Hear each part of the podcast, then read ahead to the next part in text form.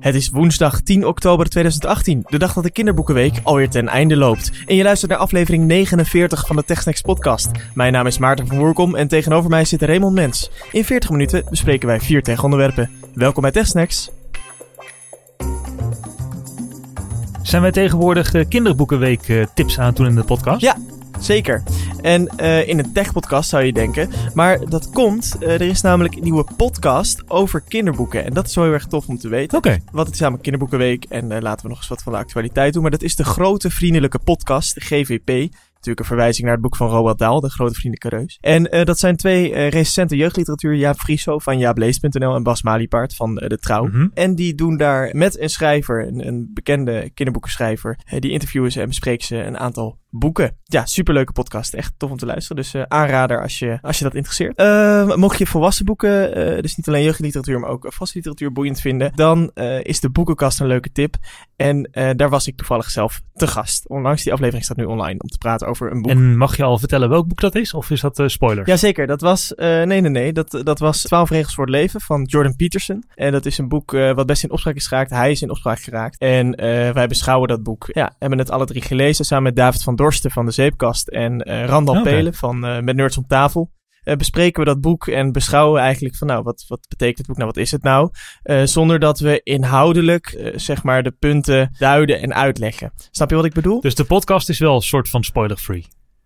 Ja, we, we, gaan er wel redelijk diep op in hoor. Um, maar we proberen okay. meer te beschouwen zonder dat we inhoudelijk vertellen hoe je dit boek moet zien. Dus hoe je ja, dit boek okay. moet, moet interpreteren, zeg maar. De Boekenkast, ook op uh, in de Apple Podcast app en Spotify te vinden. Goed, Raymond, er zaten wat uh, reacties in de mailbox. Wat we ontzettend leuk vinden, dus blijf dat vooral doen. Uh, we hadden van luisteraars Edo de Roo en Paul Donders bericht gehad. Een reactie op de vorige uitzending van TechSec. Ja, we hadden het, ons segment over ICT falen bij de overheid heeft nogal wat losgemaakt blijkbaar. Want er zijn behoorlijk wat reacties opgekomen, waaronder die van Edo. Die heeft zelf met het UWV te maken gehad en die vond het heel bijzonder dat om de vier weken het hele ICT-systeem van het UWV een weekend plat ligt. En dat is de instantie die onder andere de uitkeringen van Nederlanders regelt. Dat komt omdat ze enorm veel losse systemen hebben volgens hem. En uh, die gaan niet allemaal even goed met elkaar om qua interface. Dus de synchronisatie gaat niet altijd heel goed. En daarom gaan ze iedere vier weken helemaal plat en offline. Zodat die systemen weer in sync kunnen nee. geraken voordat ze weer online gaan. en daar merk je als werkzoeker niet heel erg veel van. Behalve dat je elke vier weken een e-mail krijgt dat de systemen een weekend niet werken. En dat je daarom drie dagen extra krijgt om aan je sollicitatieverplichtingen te doen. 2018, jongens. Uh, ja. Inmiddels heeft Edo niet meer te maken met het UWV en is die gewoon weer lekker aan het werk. Dat moet ongelooflijk fijn zijn.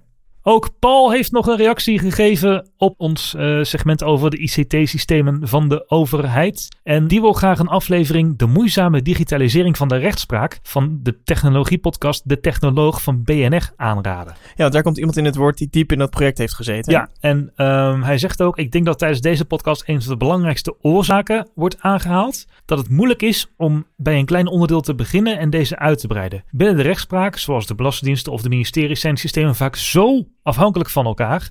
Dat ze in één keer dus al die systemen op willen leveren. En het wordt dus enorm als heel snel complex. En complexe technologie leent zich heel erg voor doorontwikkeling.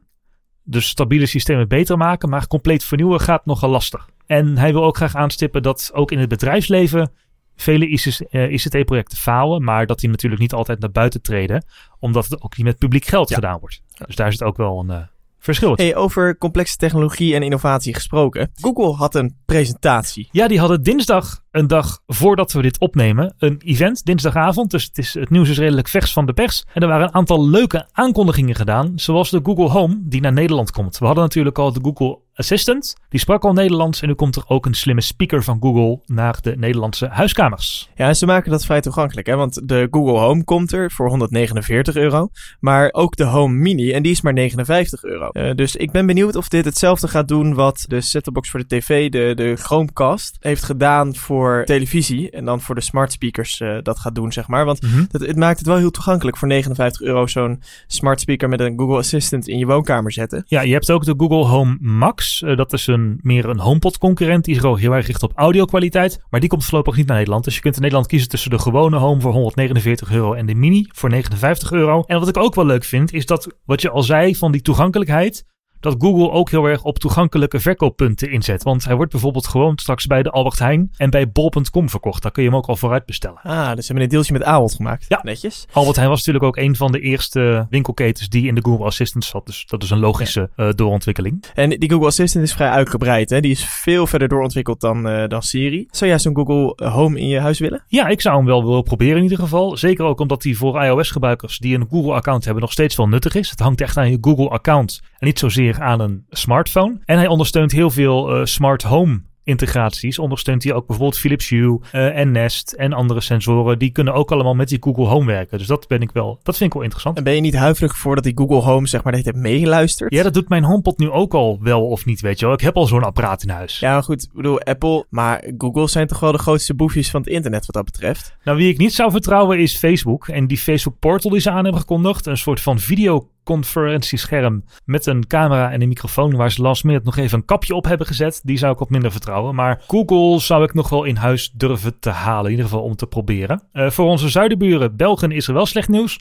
Want het komt voorlopig allemaal niet naar België. Ook niet bij de Albert Heijn? Je hebt toch Albert Heijn in België tegenwoordig? Ja, maar daar kun je de Google Home straks niet kopen.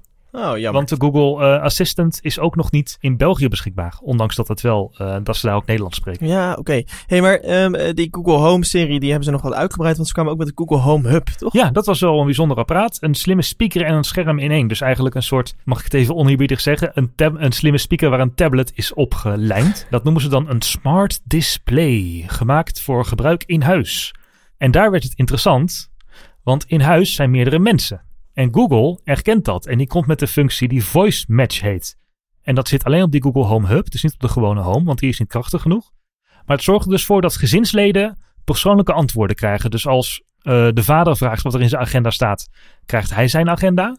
En als de moeder vraagt wat er in haar agenda staat, krijgt zij haar persoonlijke agenda. Dus dat is wel een uh, slim ding. Oh, dat is wel bijzonder, ja. En dat scherm dat biedt natuurlijk ook nieuwe mogelijkheden, zoals videobellen, je agenda bekijken, leuk voor in de keuken, recepten opzoeken, het weer, verkeer, notificaties en uh, how-to video's van YouTube kun je er ook op bekijken.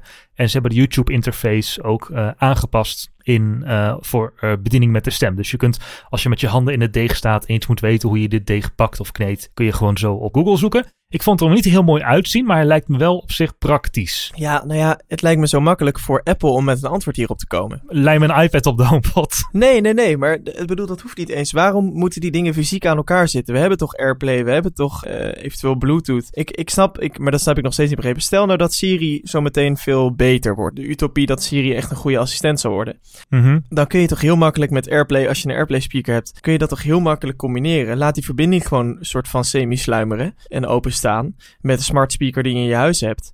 En die tablet, die kun je overal, of je iPhone kun je overal... Ja, oké. Okay, ja. Het scherm is er, de speaker is er, de slimme speaker is er, de draadloze connectiviteit is er. Maar ik snap niet waarom we dat dan weer fysiek op elkaar moeten gaan plakken. Ja, je zou dus als je uh, Apple was, zou je kunnen zeggen, zodra ik Siri vraag wat er in mijn agenda staat of hoe het weer is, en Face ID detecteert dat ik mijn iPhone vast heb en naar mijn iPhone kijk, ja. zou die ook gewoon schermteondersteuning kunnen gebruiken. En bij een iPad hetzelfde. Precies. Ja. ja, ja. Want nu moet ik dan, ja, ik zit een beetje te bedenken waar die, waar die Google Home Hub dan komt te staan, weet je wel?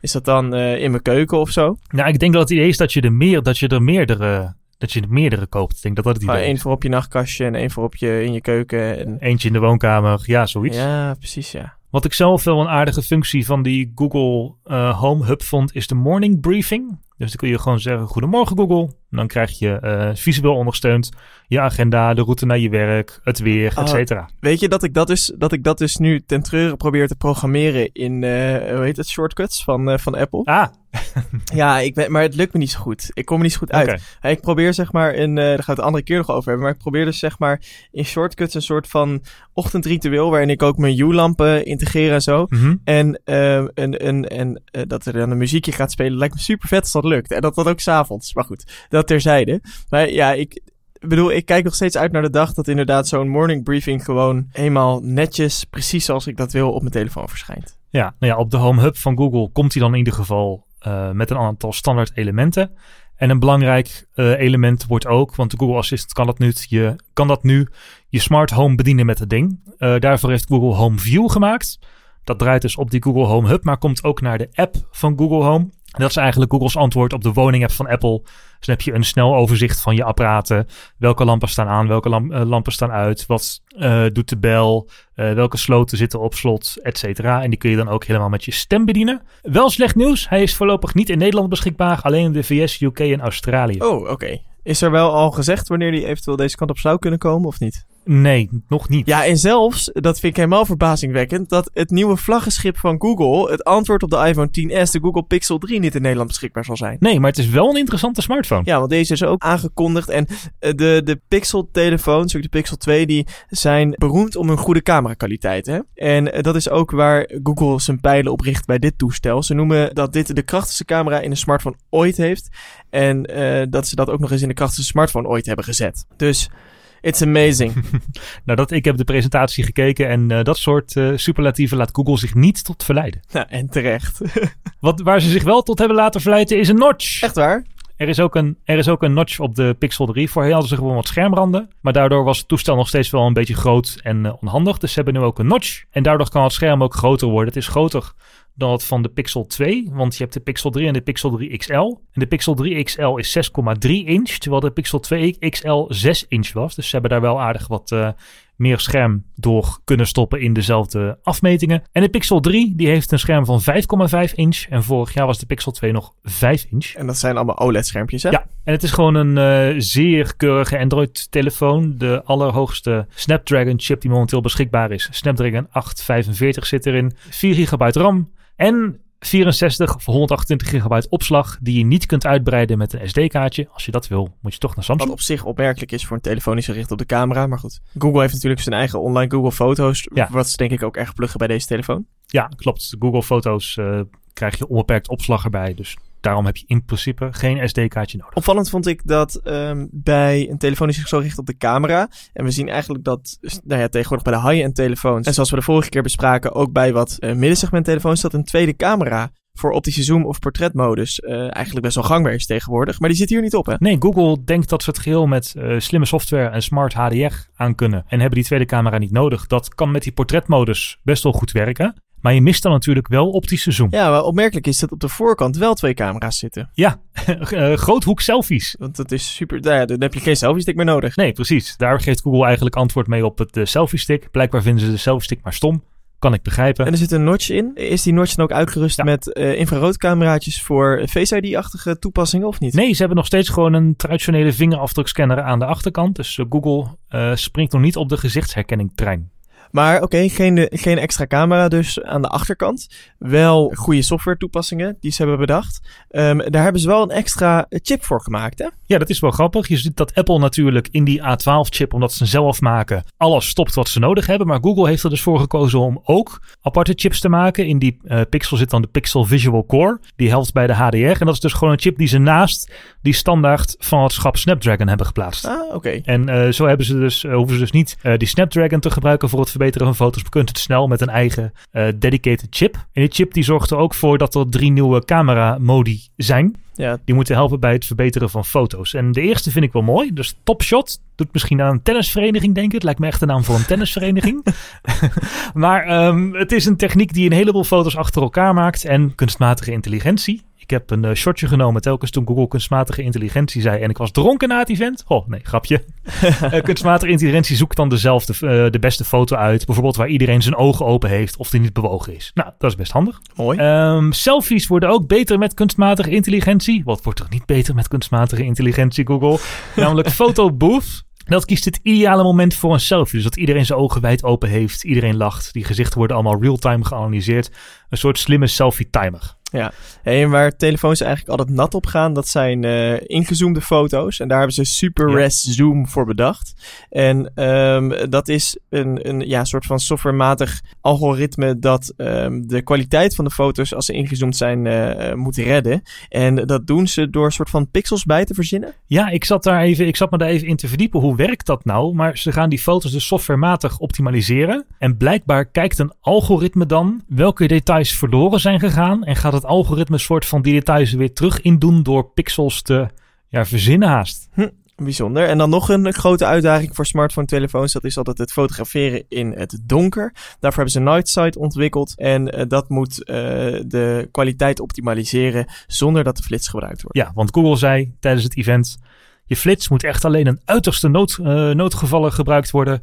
Want eigenlijk is niemand op een flits te wachten. Kan ik me ook wel een beetje in vinden hoor. Nee, maar zoals we al zeiden, die telefoons zijn dus niet officieel in Nederland verkrijgbaar. Maar wel onze oosterburen, uh, de Duitsers, daar kun je hem wel uh, krijgen. Ja, dus een beetje grijze import, dan moet het wel lukken toch? Ja, heel veel telefoonwinkels doen dat dus al. Hè? Dus je kunt hem binnen, gewoon via Duitsland. Dus je kunt hem binnenkort ook waarschijnlijk gewoon in Nederland kopen. Misschien voor een beetje extra, maar vaak laten ze de prijs wel ongemoeid.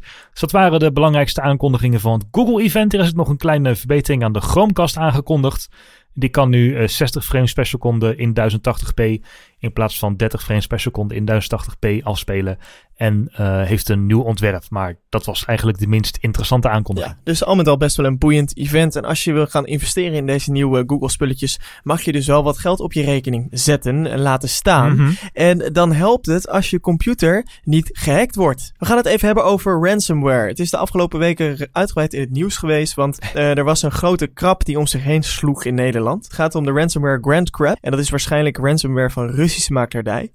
En uh, dat, dat is namelijk opvallend detail dat het virus zich uitschakelt zodra het een Russisch toetsenbord of systeem herkent. Dus zijn eigen staatsburgers wil die niet uh, aanvallen, maar alleen buitenlandse. Het schijnt dat als je uh, crimineel bent in Rusland en je laat je eigen land ongemoeid, dat je veel minder hard en gestraft wordt of dat je in ieder geval minder prioriteit krijgt. Ah. Heb ik gelezen.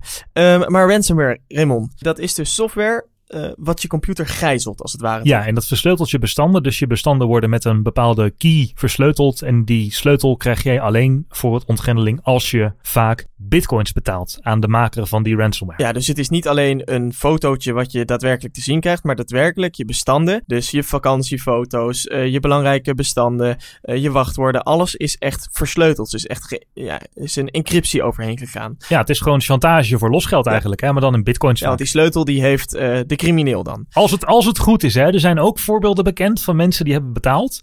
Of bedrijven die hebben betaald. En dat de ransomware zo slecht geschreven was dat de crimineel zei: Ja, ik heb die sleutel ook niet, maar thanks voor je geld, hè, doei. Ja, ja. maar dat is in het geval van, uh, van GrandCrab is dat niet het geval. Het is een vrij uitgebreid en professioneel stukje ransomware. Het is eigenlijk een soort van franchise. Hm. Je kan het namelijk gewoon huren als crimineel. En het wordt verspreid via de e-mail in bijlages of via illegale software. Dus als je iets downloadt van de Pirate Bay en je denkt een mooie premium uh, Photoshop te kunnen gebruiken of iets anders, dan uh, moet je even opletten dat uh, als je, als je zo'n zo'n ja, zo'n zo'n malafide bestandje opent, dan wordt dus meteen je computer gehackt. Bestanden worden versleuteld en je krijgt een scherm te zien waar het losgeld op staat. En dat losgeld dat blijft verdubbelen als jij niet betaalt. Dus het wordt alleen maar duurder om je spullen terug te krijgen. Dus psychologisch hebben ze ook een goed uh, mechanisme ingebouwd. Ja, ja, precies.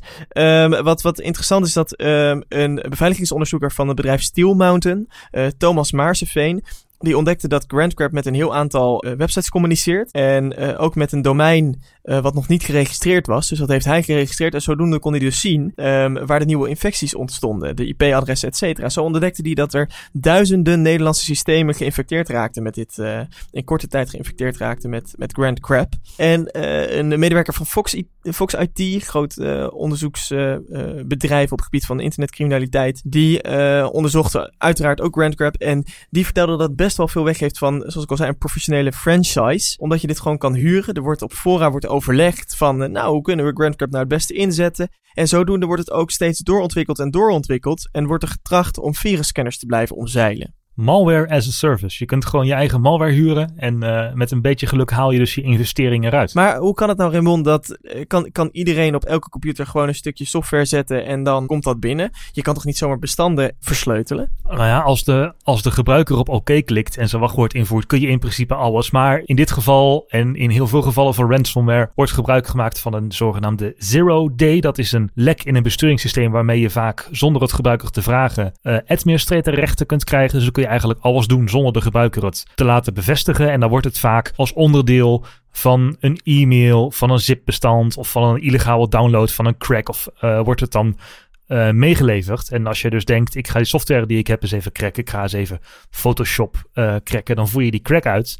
En daar blijkt die ransomware in te zitten. Maar het is ook soms in bijvoorbeeld Office-bestanden of PDF-bestanden die dan die executable hebben ingebakken. En dat dan een e-mail wordt verzonden. Dat doen van die franchise-nemers dan die de Nederlandse markt goed kennen van... hey, dit is PostNL. Er is een uh, probleem met uw pakketje en we hebben hier uh, een handtekening. Wilt u controleren of deze pdf overeenkomt met uw handtekening?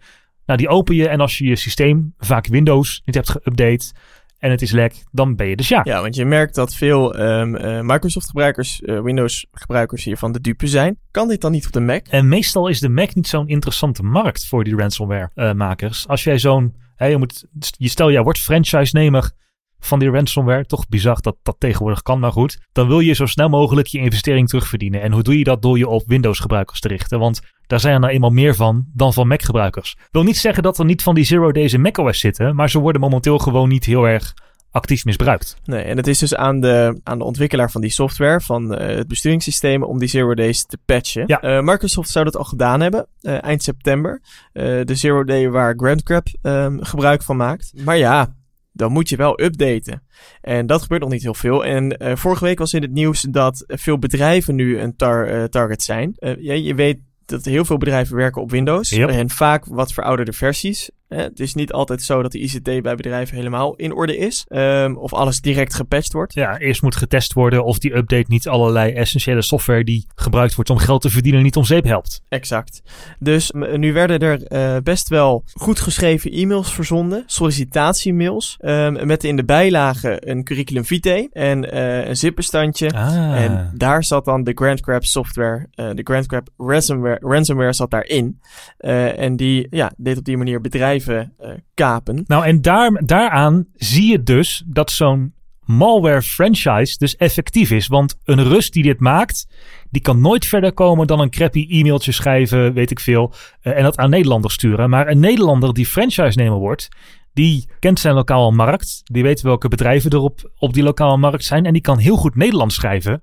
En zo een beetje die malware op zijn eigen markt aan de man brengen en, en effectief die markt misbruiken met die malware. En dat is wel een ontwikkeling die we voorheen niet zagen. Eerst was het altijd gewoon een crappy geschreven mailtje wat je er zo uithaalde. Ja, precies. In tegenstelling tot virussen die bijvoorbeeld zeggen dat ze compromitterende foto's van je hebben of zo, waar dus twijfelachtig is of het chantagemateriaal wel daadwerkelijk bestaat. We hebben opnames van die webcam. Maar ik heb helemaal geen webcam. Wat? Ja, precies. Uh, dat is natuurlijk, uh, dan moet je niks betalen. Maar het uh, lastige is dat bij GrandCrab dus daadwerkelijk je bestanden zijn versleuteld. En dat er nog geen manier is om die bestanden te ontgrendelen. Nee, ja, tenzij je betaalt. Um, betaal moet je nooit doen als je het slachtoffer van ransomware bent.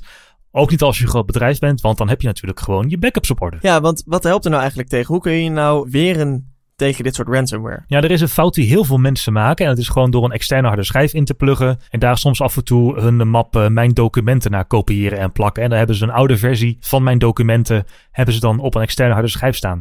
Maar die ransomware, die ziet die externe harde schijf natuurlijk ook. Dus als je die aangesloten laat zitten, dan blijft, dan gaat die ook je backup versleutelen. Dus dan heb je alsnog geen backup. Oh. Um, dus daarom is het vaak handig om als je een externe harde schijf gebruikt, om die alleen tijdens het backuppen zelf aan te koppelen en daarna er weer van af te halen. Of backuppen naar de cloud. Ja, is dat voldoende als je naar de cloud backupt? Want bijvoorbeeld als mijn bestanden in iCloud Drive staan, en uh, die staan hier ook op mijn computer. Worden die dan niet ook versleuteld? Nou, je moet even dan kijken of je cloud backup uh, verschillende oude versies bewaart. Uh, Dropbox bewaart bijvoorbeeld van bestanden altijd en van mappen oude versies. Dus dan kun je makkelijk teruggaan naar een oude versie.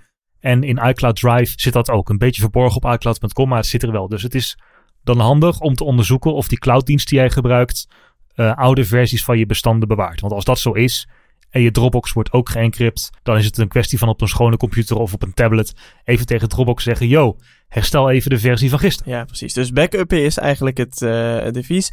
En je systeem up-to-date houden. Ja, als je het zelf kunt doen, zeker doen. Ondanks is het vaak vervelend. Oh, moet ik weer opnieuw opstarten? Ja, het is beter om dan maar een keer even opnieuw op te starten en vijf minuten koffie te gaan halen dan uh, je bestanden versleuteld te hebben. En um, als uh, stiekem Apple fanboy zeg ik misschien gewoon geen Windows gebruiken. Ja, maar goed. Dat is natuurlijk ieders keuze. Maar het meest interessante van deze malware is dus gewoon die franchise. Dat is echt wel een bizarre trend. Waar we niet al te blij mee moeten zijn.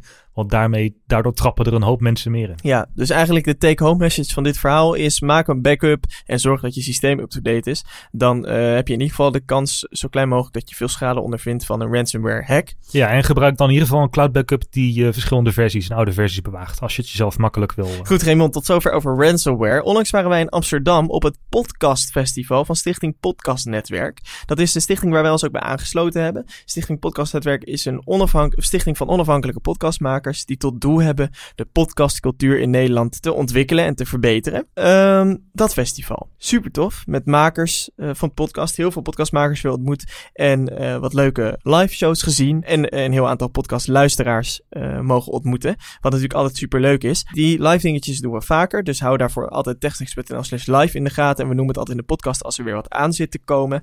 Maar binnenkort zijn we wel weer ergens te vinden. Dat podcastfestival deden we samen met Tech45. Hadden we TechSnacks45. Hadden we een leuke live show neergezet. maar helaas heeft de technicus een foutje gemaakt. En zijn is een deel van de opnames verloren gegaan. Maar de inhoud wilden we jullie niet geheel onthouden. Want we hebben het gehad over het verleden, het heden en de toekomst van de podcast. Lekker meta. En um, we hebben daar de zaal op bevraagd via uh, Menti. Dat is uh, zo'n soort van quizachtige tool. En die antwoorden heb ik nog. Dus we gaan gewoon lekker door de inhoud heen. En uh, we beginnen bij het verleden van de podcast. Want als je aan podcasten denkt, dan denk je ongetwijfeld aan Adam Curry. Hij wordt ook wel de potvader genoemd. Titel die hij zelf niet per se heel erg fijn vindt, volgens mij. Maar hij is niet echt de potvader. Want de podcast gaat al best wel een hele tijd terug. Hij is vooral degene geweest die de podcast populair heeft gemaakt. Want wie heeft de podcast dan echt uitgevonden, Raymond? Ja, dat is een, gewoon een technicus die het technisch mogelijk heeft gemaakt om audio in een feed te stoppen. Dat was Dave Weiner, een programmeur.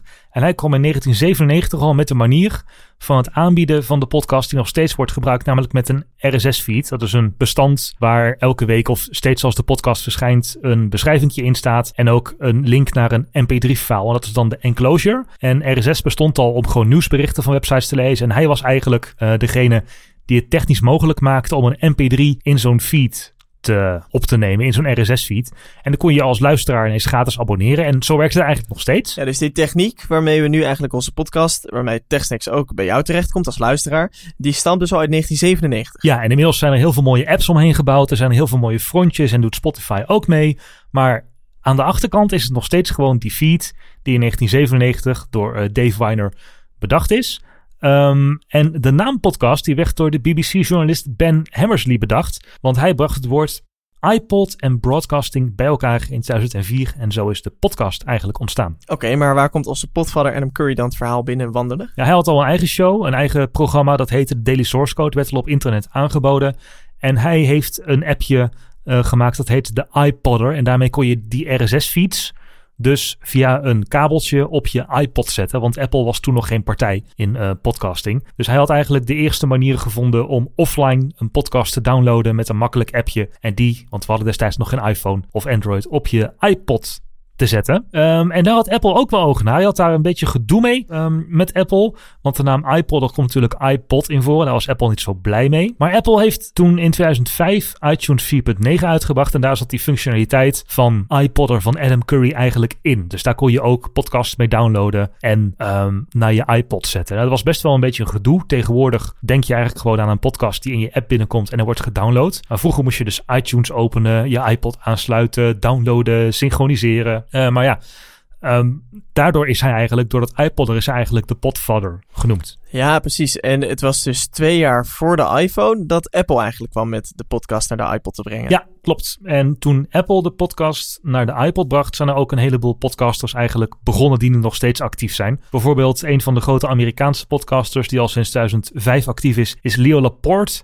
Uh, hij heeft het uh, This Week in Tech gemaakt en dat later uitgebouwd tot een heel netwerk wat Twit heet. Die maakt uh, tech-podcast. In Nederland was het nu 3FM, ex-3FM-DJ Domien Verschuren die met de Coolcast begon. was een beetje een algemene uh, lifestyle podcast. Um, in Techland heeft OMT een grote voortrekkersrol voor, uh, gespeeld. En uh, tegenwoordig zie je dus dat ook heel veel andere partijen aan het podcasten zijn. Maar dat waren eigenlijk de eerste spelers in podcastland. Ja, dus eigenlijk sinds 2005 is podcasting voor het grote publiek echt een ding geworden. Ja. Maar nu zien we eigenlijk dat podcasting steeds populairder wordt. We hebben podcastfestivals en we roepen natuurlijk al jaren dat de podcast echt gaat doorbreken nu. Maar, maar nu echt, nu echt. Nou, het is wel, ik vind het wel tekenend en opvallend dat nu heel veel mensen die niet in de tech zien zitten. Dus ik hoor het in het ziekenhuis ook ineens wel eens dat mensen die eigenlijk ook helemaal niet zo bekwaam zijn met allemaal uh, technologie, die dat nou ja, vooral gebruiken omdat het handig is, maar daar verder niet zoveel mee hebben, uh, dat die ook naar bepaalde podcasts luisteren. Nou, dat was inderdaad bij dat podcastfestival. We hadden in maart, of nee, we hadden in mei natuurlijk al het Tech Podcast Festival gehad. Daar zaten wij een beetje in onze techbubbel. Maar op het podcastfestival in Amsterdam onlangs waren ook ineens allemaal niet tech-podcasts aanwezig. Dus dan zag je ineens wel dat de podcast scene heel veel groter is geworden dan alleen de techboys die het zijn gestart. Ja, we hebben toen ook even aan de zaal voorgelegd. En waarom worden podcasts nou steeds populairder? En wat, wat een heel uh, belangrijk punt is, wat die mensen daar noemden, was dat, dat een podcast on-demand is. Dus dat je kunt luisteren op het moment dat het jou uitkomt. Um, dat het uh, heel veel diversiteit kent. Iemand die noemde dat gewone televisie en radio steeds saaier wordt, omdat het steeds dezelfde mensen zijn, dezelfde onderwerpen. En nu heb je veel meer keus. En uh, dat, dat je dus there's als je het hebt over die inhoud, dat je, uh, zo noemt iemand, helemaal ondergedompeld kan worden in het onderwerp. Veel meer dan bij radio. Je kiest namelijk bewust voor een onderwerp en de podcast die alleen daarover gaat, zonder dat je onderbroken wordt. Hè, waar je op de radio nog wel eens uh, veel geouwehoerd tussendoor ja, Of je moet naar de muziek of naar de ja. reclame of uh, het nieuws komt ja, zo. Ja. En mensen hebben het ook over de, de toegankelijkheid. Hè, dus je hebt het zo op je smartphone staan, dus het is ook ideaal bij reizen, noemt iemand de keuze op onderwerp en het starten en stoppen waarmee je wilt. Dus eigenlijk die on-demand toegankelijkheid van de podcast maakt dat mensen, uh, tenminste die bij ons in de zaal zaten, zoiets hadden van ja, die podcast, daardoor wordt die podcast steeds populairder. Dus, dus dat, was, dat was leuk om te peilen dat in de zaal. Um, maar laten we even wat, wat beter, wat, wat, wat specifieker op die revival ingaan. De revival van de podcast. Want het heeft een tijdje een beetje doorgekabbeld. En nu is ineens heel veel, zijn heel veel mensen ermee bezig. Um, uh, waar zou dat nou door komen? Allereerst is het heel veel makkelijker om een podcast te luisteren. We hebben niet alleen 4G. We hebben tegenwoordig ook grotere of bijna onbeperkte data-abonnementen. En op iedere iPhone staat tegenwoordig een app die Podcasts heet. En Google die heeft ook een eigen podcasting app nu. Dus dat um, laat al doorschemeren bij de consument dat het bestaat. En Spotify, vlak Spotify niet uit? Ja, Spotify ook. En natuurlijk dat grote radiomakers ook een eigen podcast beginnen en het daar wel eens over hebben, helpt natuurlijk ook mee. En uh, je kunt het niet over de opkomst van de podcast, de revival van de podcast hebben zonder Serial genoemd te hebben. Dat was misschien wel waar het grote Amerikaanse publiek kennis heeft gemaakt met de podcast. En ook in Nederland hebben we natuurlijk Bob en in de VS ook de Daily. En dat laat wel zien dat podcasts hele serieuze vormen aannemen, die commercieel ook. Ik heb het idee dat, dat Bob in Nederland wel uh, een hele grote impuls heeft gegeven aan het, aan het podcastmedium. Uh, dat is die, um, ik zeg even uit mijn hoofd, zesdelige serie over um, een Vlaamse uh, dementerende dame die ineens over, uh, sinds dat zij dementerend is, over Bob vertelt, een jeugdliefde, uh, met wie zij mogelijk ook nog een kind heeft gehad. En uh, de podcastmakers die gaan dan op zoek naar Bob. Ja. Dikke aanrader als je die nog niet geluisterd heeft. Je hebt, je hebt hem, het zijn zes, zes of zeven afleveringen. Je hebt hem in een, in een middag heb je hem afgeluisterd. Het is echt ontzettend goede podcast. En in Nederland is Man met de microfoon ook een belangrijke ambassadeur geweest van de podcast die op een soort van hoogspelmanierachtige manier gemaakt wordt en daardoor heel laagdrempelig is. Veel laagdrempeliger dan de gemiddelde tech-podcast bijvoorbeeld. Voor die uh, man met de microfoon, maar ook voor ons en voor andere podcasters, is er nog wel een uh, bruggetje te nemen naar iets aan je podcast verdienen. En daar hebben we de zaal ook onder gevraagd. Ja, ja, uh, geld is natuurlijk wel een ding. Sowieso voor het online houden van je podcast. Maar een podcast maken is best wel heel erg veel werk. En wij doen dat met heel veel plezier. Maar uh, Chris Bijema, die man met de microfoon maakt, die zegt: Ik werk een maand aan een aflevering. Die maakt natuurlijk echt nog een ander type podcast dan dat wij doen. En die, die moest daarvan leven. Dus die heeft dat met, met subsidie gedaan. Wij, wij vroegen de zaal van: Nou, hoe zou, zou je nou als luisteraar willen bijdragen aan, aan de podcast? Ben je daarvoor bereid om dan het liefst sponsors en reclame in de podcast te hebben? En door die, door die reclame heen te luisteren? Of doneer je liever aan de podcast? Neem je bijvoorbeeld een betaald abonnement op een podcast? Of word je bijvoorbeeld Patreon van een podcast, wat veel podcasts in Nederland aanbieden? Of koop je een mok van een podcast? Of koop je een mok van een podcast? Dus ga je liever voor merchandise en producten? Nou, dat was niet zo populair, maar de Patreon en donaties, dus het betalen voor een goed inhoudelijke podcast, dat was wel erg populair. Samen met um, de sponsors en reclame uh, kort daarop gevolgd. Ja, dus binnenkort kondigen wij TechSnacks Premium aan. Nee, grapje. Ja, nee, dat gaan we niet doen. Uh, wij hebben een sponsor waar we echt blij mee zijn. Maar het maakt wel wat los en het blijkt ook dat de podcastluisteraar een erg betrokken luisteraar is. Ja, die best dus wil doneren of patron wil worden. Dat is wel een toegewijde luisteraar. Ja. We sloten af met de toekomst van de podcast en of de podcast traditionele radio gaat vervangen. En daar was de zaal heel erg verdeeld over. Ja, dat was inderdaad, ehm, eh, dat, dat zorgt voor opschudding in de zaal. Want verdwijnt de traditionele radio. Ehm, de meeste mensen waren het erover eens, het wordt minder populair. Maar er waren ook mensen die zeiden, er gaat niks veranderen. Ehm, of het gaat volledig in elkaar overlopen. Het wordt een soort van samengevoegd. Het, is natuurlijk bijzonder om te kijken hoe dit zich gaat ontwikkelen. Eh, er is veel over gefilosofeerd in de zaal. Volgens mij is dat deel nog wel opgenomen. Ehm, er is nu een soort van samenvatting te beluisteren via de website van het podcastfestival. Waarin eh, eh, dit gesprek met de zaal naar voren komt. Tech45 heeft het achter de laatste uitzending geplakt. Dit zijn namelijk de laatste, laatste deel wat wel opgenomen was. Dus luister daar vooral naar. En wij zijn een tech-podcast. En we gaan het de laatste 10 minuten van deze tech-podcast gaan we het nog even hebben over wat tech. hè? Ja, zeker. Ehm, namelijk de iPhone 10s en de 10R. Want de 10R komt eraan. En dat vinden we een beetje 10 raar. Want ja, waar die naam nou vandaan Dat weten we nog steeds niet. Wat we wel weten is dat de pre-orders op 19 oktober openen en dat de eerste toestellen op 26 oktober geleverd worden. En je merkt het gewoon dat die pre-orders aankomen, want ik ben de afgelopen weken en afgelopen dagen echt zo veel door mensen gevraagd. Maar Raymond, wat zijn nou echt de verschillen tussen die twee toestellen en welke moet ik nou in godsnaam kopen? Want ik twijfel zo enorm. Nou, en dan bij deze het koopadvies. Want het is nog steeds geen goedkope telefoon. Hè? De 10S is te koop vanaf 1159 euro. De 10S Max Trump Edition Amazing Great, Amazing Great Phone is ehm, voor 12 1259 euro te- verkrijgen. De 10R vanaf 859. Dus komt in de buurt bij de prijzen voor de Google Pixel 3. En die twijfel bij mensen komt natuurlijk vooral door de prijs. Hè? 1159 euro of 859 euro is wel even 300 euro verschil. Ja, er zijn een heleboel overeenkomsten tussen die twee toestellen. Ze hebben alle twee een A12-chip, Bluetooth, kunnen alle twee portretmodus maken. Face ID doet het op alle twee. En ze hebben ook alle twee een prima accuduur. En als je een dual SIM eh, wil, hoef je ook niet per se de 10S te kopen, want die kan de 10 echt ook. Maar er zijn ook best wel een aantal verschillen. Ehm, en de belangrijkste die je eigenlijk elke dag wel gaat zien is het scherm. Ja, want dat is eh, geen OLED-scherm, maar een HD LCD-scherm van, eh, ze noemen dat Liquid Retina. Ja. Eh, dat is ook een groter scherm, een 6.1 inch scherm. Eh, en het heeft een resolutie van 1792 bij 828 pixels, met een dichtheid van 326 pixels per inch. Ja, en daarmee is de resolutie dus lager dan die van de iPhone 10s. En is ook de pixeldichtheid, dus de scherpte van het scherm, iets minder. Um, en omdat het geen OLED-scherm is, maar een LCD-scherm, heeft hij ook uh, minder contrast. Dus zwart is iets minder echt donkerzwart. Ja. Uh, wat hij ook mist is 3D Touch. Ja, dat is vervangen voor een haptische feedback, toch? Dat werkt niet op alle plaatsen waar 3D Touch ook werkt. Dus het werkt eigenlijk alleen op het uh, beginscherm van je iPhone, waar je snel de camera en uh, de zaklamp aan kunt zetten. Daar kun je ook stevig drukken op de 10R.